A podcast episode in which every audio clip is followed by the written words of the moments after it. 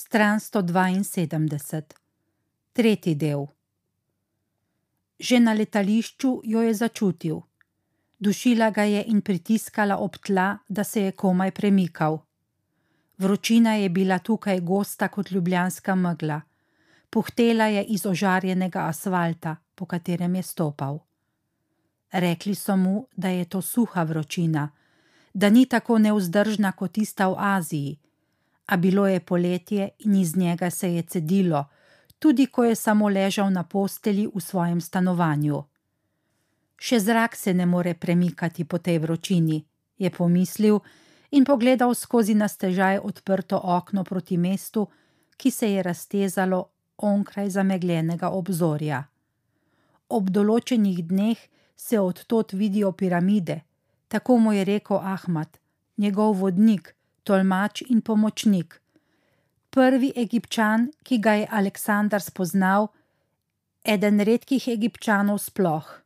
Njegovi novi sodelavci so bili večinoma Libanonci, sosedje so bili Palestinci, taksist, s katerim mu je uspelo spregovoriti par besed, Iračan. Kaj bi dal za eno sapico dobrega starega prepiha, najhujšega sovraga? Bil je prestar, da bi se navajal na nova podnebja. Bil je prestar, da bi se navadil piti topov čaj sredi poletja. Bil je prestar, da bi razumel, kar je vse življenje obsojal in preganjal, čeprav ni rekel nič, ko mu je Ahmad pojasnjeval navado arabcev, da izgovorijo stvari, ki jih ne mislijo, in se dogovorijo za nekaj, kar bodo morda spoštovali, ali pa tudi ne bodo. Tako je pač v Egiptu, mu je govoril Ahmad. Vse to je del tukajšnje kulture, to je naš način življenja. Aleksandar pa si je mislil, da je prestar, da bi lahko zaživel na nov način. Že ta, ki si ga je bil stežka privadil v Ljubljani, mu je bil odveč. Že jugoslovanski način življenja je bil zanj dovolj neuravnovešen in nepredvidljiv, že jugoslovane je slišal izgovoriti dovolj praznih besed za tri življenja. In res se mu ni treba poslušati še arabskega blebetanja. Prestar je bil za to, da bi posloval od zore do mraka, v zadimljenih kotih restauracij, prestar, da bi poturško sedel na tleh in kadil šišo. Če bi imel vsaj alkohol, ki bi mu pospešil čas, je pomislil. Ahmad pa ga je prepričeval, da mu gre dobro, odlično celo, da bo kmalo egipčan, samo malo še potrebuje, da se njegov podivjani evropski duh umiri in potem bo vse lažje. Polako, je govoril Ahmad, polako, gospodine Aleksandre, samo polako. Razlika med vami in nami je, mu je razložil, da vi, evropejci, pogledate na ulico in mislite, da promet v Kajru stoji, ker se nihče ne premika. Mi pa vemo, da bodo ob sončnem zahodu vsi drugje, kot so bili ob sončnem vzhodu. Aleksandar mu je hotel pojasniti, da on ni evropejec, da je balkanec in da je to nekaj povsem drugega. A Ahmad je odkimal. Študiral sem v Beogradu, mu je rekel prepotoval sem ta vaš Balkan in lahko rečem le, da ljudje na zahodu vedno vidijo vzhod, kjer ga še sploh ni. Tako mu je rekel Ahmad in se glasno zasmejal, da je bil Aleksandar ob njegovi iskrenosti kar malo užaljen.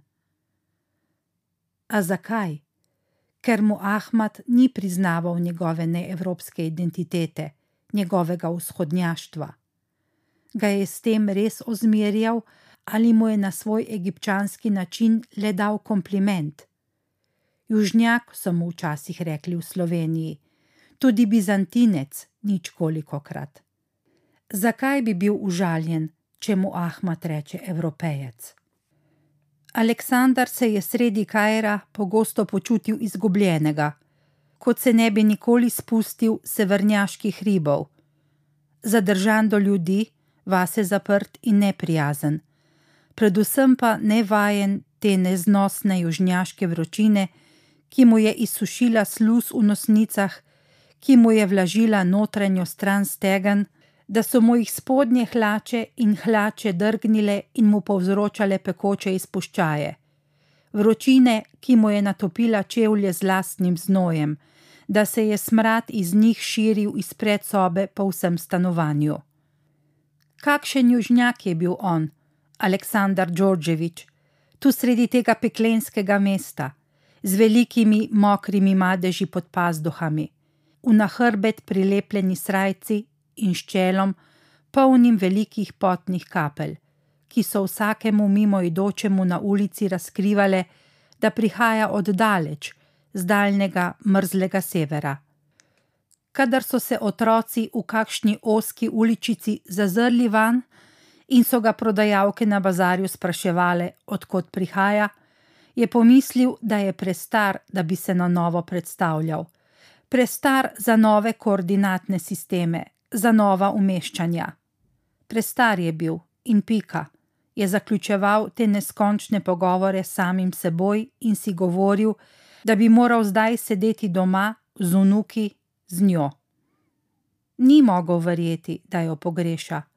Dolgo se je pripričeval, da to ni to, kar se mu zdi, da je, ampak je le potreba, da bi imel v tem gromozanskem mestu ob sebi nekoga, ki bi mu bilo enako tuje, ali vsaj nekoga, ki mu ne bi bil primoran pojasnjevati svojih besed.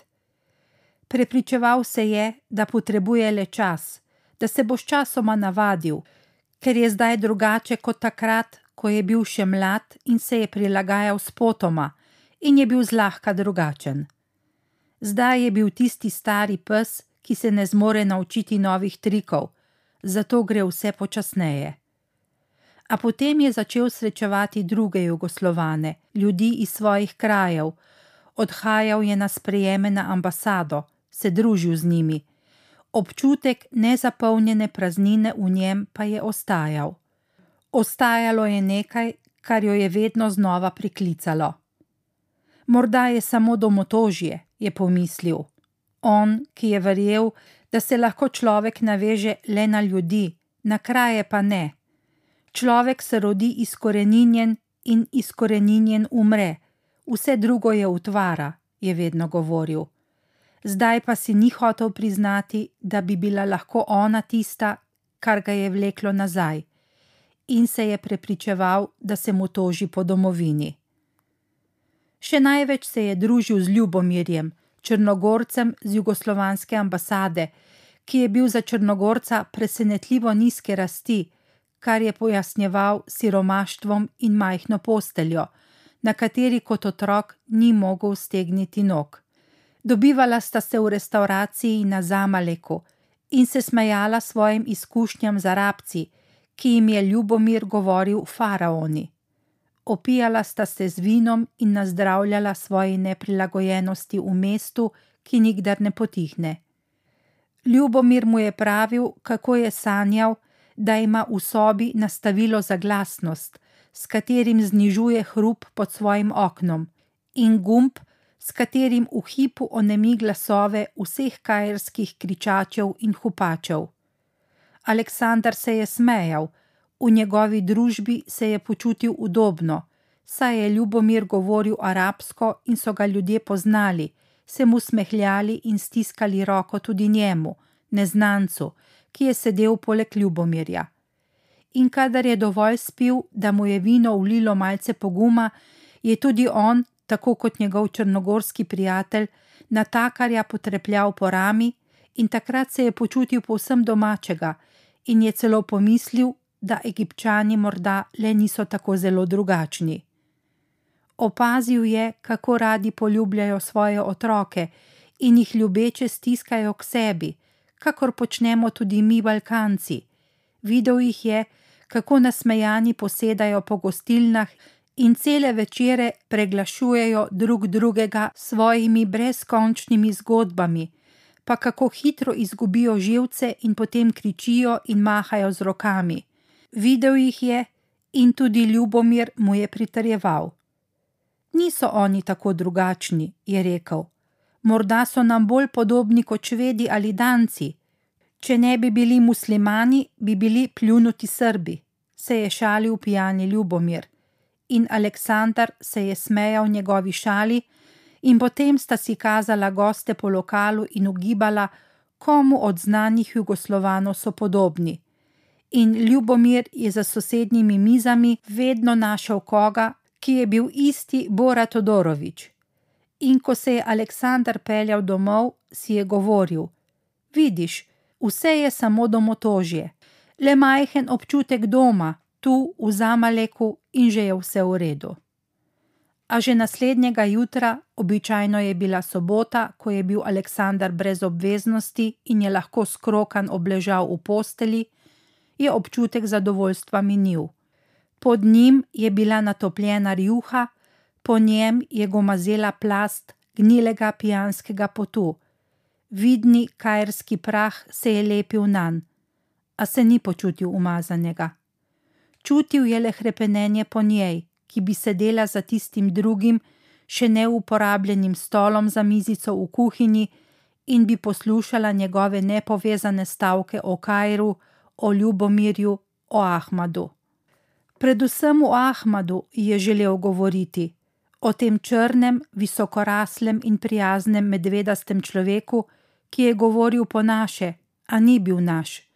O tem čudnem občutku, da z nekom ne govoriš skupnega jezika, če tudi oba govorita v istem jeziku, o tem, da obstaja nešteto načinov nerazumevanja in da večina nima nobene zveze z jezikom, ki ga govorimo, o tem, kako ga je Ahmad povabil na svoj dom in kako nelagodno se je počutil, ko je sedel tam z njim, njegovo ženo in njunimi štirimi otroki. Želel si je, da bi mu pomagala odkriti vzroke tega nelagodja, ki ga ni razumel, da bi mu pomagala razumeti, zakaj so njegovi pogovori z Ljubomirjem tako drugačni od tistih z Ahmadom, ki ga ima enako rad. Želel je govoriti tudi o Libanoncih, o Sajdu, Karimu in Fadiju, o tem, kako neprekrito sovražijo Izraelce, pred katerimi so pobegnili v Kajro, in kako to vsakodnevno prostodušno delijo z njim, ne vedoč, da je tudi sam judovske krvi. Želel je govoriti o tem, kako se počuti, ko tako odkrito govorijo o svojem sovraštvu, kako čudno se mu to zdi, njemu, ki prihaja iz dežele, kjer je sovraštvo otipljivo in s prostim očesom vidno, a ga nihče nikdar ne poimenuje z njegovim pravim imenom, kakor bi se vsi bali priznanja, da sovražijo. In tudi on bi se še včeraj zaklel, da ni nikdar nikogar sovražil, a zdaj se mu na trenutke zazdi, da se je nalezel njihovega sovraštva do judov. O tem bi rad govoril z njo, o strahu, da so ga okužili z odporom do dela sebe. Pomislil je celo, da je odnegdaj sovražil judovstvo v sebi in le čakal na priložnost, da bi lahko to sovraštvo na nekaj oprl. Ve, zaveda se, da je vse to čudno, njegove misli pa neurejene, a vse bolj verjame in o tem bi rad govoril, da potlačene identitete niso nikdar zares potlačene, da delujejo iz potalja, neprestano, in ko privrejo na plano, so lahko pogubnejše od vseh drugih identitet, saj ima vse, kar je zaničevano in odrinjeno, neko posebno moč, da lahko v trenutku prevlada nad nami prevlada nad vsem, kar mislimo, da smo.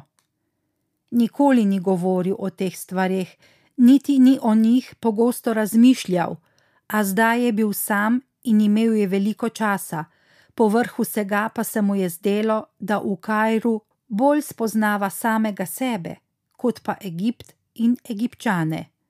Morda je tudi zato čutil potrebo, da spregovori njej, samo njej da ji govori vse te stvari, da ji pripoveduje o sebi, o vsem tem, o čemer v Kajru, tudi če bi hotel, ni imel komu pripovedovati, ker o sebi ni mogel govoriti ne Ljubomirju, ne Ahmadu, ne Libanoncem. Nihče ga ne bi razumel, nihče ga tu ni poznal. On je bil vsem njim enako neznan. Nihče na tem svetu razen nje ne bi razumel, o čem govori. Nihče razen nje ni vedel, kdo je on, Aleksandar Đorđević. In nenadoma si ni več znal oprostiti tega, da je nehal pripovedovati, da ji ni govoril o Mihelčiču in o drugih, ki so pritiskali nanj, temveč se je prepričeval in se na koncu tudi prepričal, da ji lahko prihrani bolečino. Nisi znal več oprostiti, da ji je zamolčal vse, kar mu je Mihelčič pravil o njenem očetu med vojno in o njegovem povojnem poskusu pobega, da se je z vsem tem odločil spopasti sam, brez nje. Morda se je takrat res bal, da bi mu ona vse to potrdila, morda se je ustrašil odkritja, da Mihelčič govori resnico, a zdaj se je svojih strahov sramoval in za nje ni več našel opravičila. Vedel je, moral je vedeti, si je govoril, da Franz Benedejčič ni oddajal svojih prostorov za denar in usluge, temveč so mu jih zasegli brez njegovega privoljenja. Poznal ga je, svojega tasta, in vedel, da on že ne bi hodil tja, ne bi hodil pobirati najemnine in ne bi hodil na njihove recitale, ker je bil Franz Benedejčič človek, ki ni nikoli nikogar ničesar prosil, tudi Nemcev ne. Sploh pa je bilo zdaj vse to tako daleč. A kdo bi vedel, ali se je prej sonce uzrlo v Nilu, ali se je Nil zalesketal na soncu, je pravil Ahmad. In dvomi so se vračali, in vračalo se je obžalovanje, in vračal se je občutek sramu, in z njimi se je vračalo krepenenje po njej, po iskrenem pogovoru z njo. Stran 178. Vse to se je premešalo v sopari kajerskih poletnih noči, v katerih Aleksandar ni znal več razločiti med budnostjo in snom. Tako redko so mu te noči podarjale globok, trden sen, da se je kmalo začel izogibati spalnici.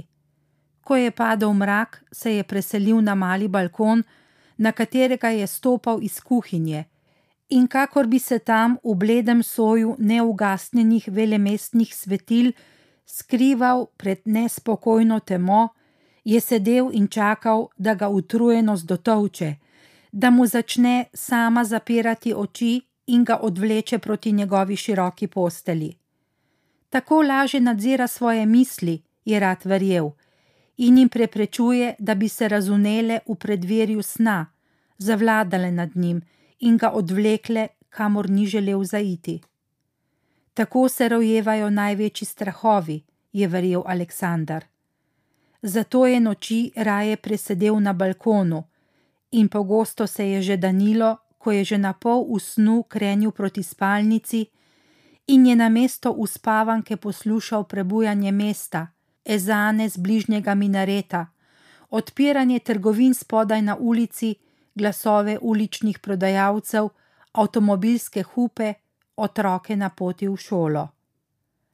A dlje, ko je svojega balkona opazoval prepleteno ugašanje in prižiganje kajerskega življenja, in bolj, ko je hipnotično zrl v daljavo, kakor bi čakal, da se bodo njegove oči naposled tako zelo navadile teme, da bodo videle celo nevidne piramide tam na koncu obzorja, ki mu jih je obljubljal Ahmad, bolj se je v mislih približeval Ljubljani in tovarišu Vekoslavu Mihelčiču.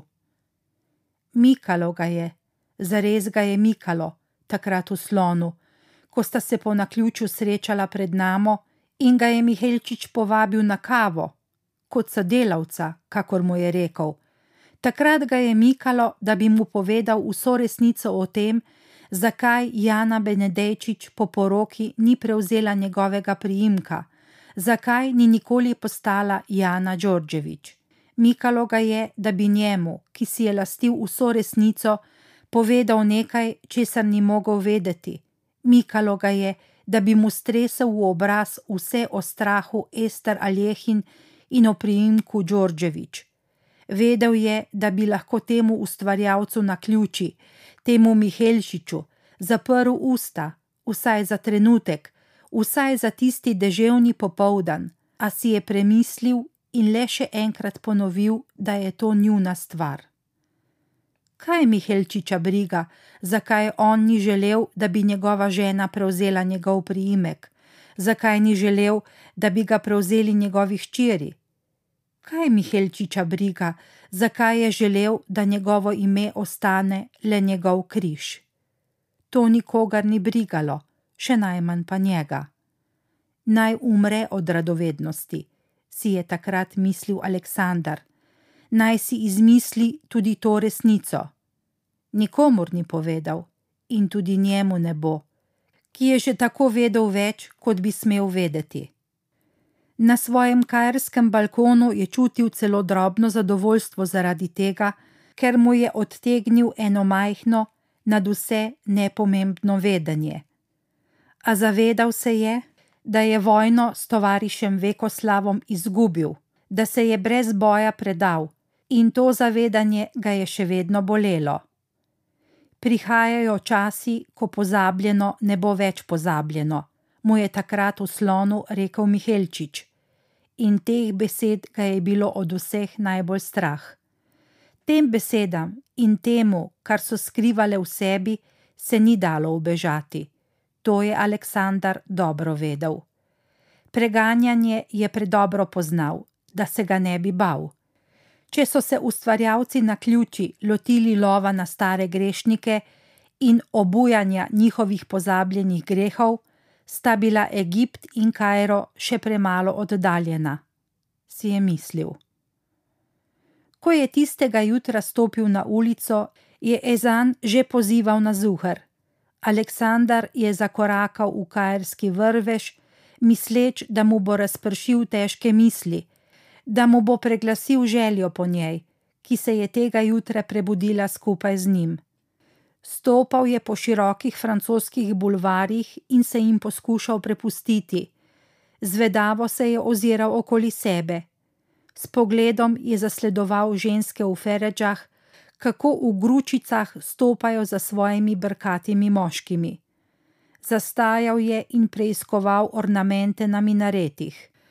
Opazoval je kajerske trgovce, kako se pred izložbami svojih butikov pozdravljajo z mimoidočimi znanci, njihovo prefinjeno igro zapeljevanja in dvorjenja, igro neizgovorjenih vabil. Preučeval je njihovo koreografijo, uigrane gibe njihovih rok, obraznih mišic in oči, s katerimi so usmerjali svoje bodoče kupce. Bazar, tudi ta, ki so si ga nekdani evropski vladari zamislili na širokih bulvarskih pločnikih in je bil namenjen premožnejšim kajrčanom, je imel svoj notni zapis, po katerem so igrali vsi na njem. Mesto in njegovi meščani so bili podložni svojim navadam in običajem, svoji kulturi življenja, vsemu tistemu, kar je Aleksandar pogrešal v svojem prepihanem mestu, presečišču neštetih vetrov, ki so iz Ljubljane ustvarili bolšji sejem najrazličnejših šek, da ljudje niso več vedeli, niti kako se velja na ulici pozdravljati. Ko je hodil mimo izložb najboljših kajerskih trgovin, je njegov pogled lezel mimo prodajalcev proti pisanim izložbam. Ko se je ustavil pred eno izmed njih, je odkril, da so cene oblek v Kajru veliko nižje od tistih v Ljubljani, in spomnil se je Ljubomirjevih besed, da se da živeti v Kajru kot čejk in da pozna evropske ženske, tudi tiste z vzhoda, ki imajo toliko oblek, da jih potem, ko jih enkrat ali dvakrat oblečejo, podarjajo svojim kuharicam in sobaricam. Zdelo se mu je, da Ljubomir pretirava, zdaj pa je tipal prekrasne obleke iz najmehkejšega bombaža in pomislil, da si jih zlahka privošči. Začel jih je jemati z obešalnikov in si jih ogledovati. S prsti je povzel po njih, da bi občutil njihovo svileno mehkobo. Nikoli ji ni kupil obleke, je pomislil. Aleksandar ni rad hodil po trgovinah in bil je celo ponosen na to svojo staromodnost, ki mu je velevala, da se za pravega moškega ne spodobi, da se pretirano ukvarja s svojim videzom. A zdaj jo je zagledal v obleki, ki jo je držal v roki, in zaželel si jo je videti v trenutku, ko jo jemlje v roke, želel je začutiti njeno hvaležnost.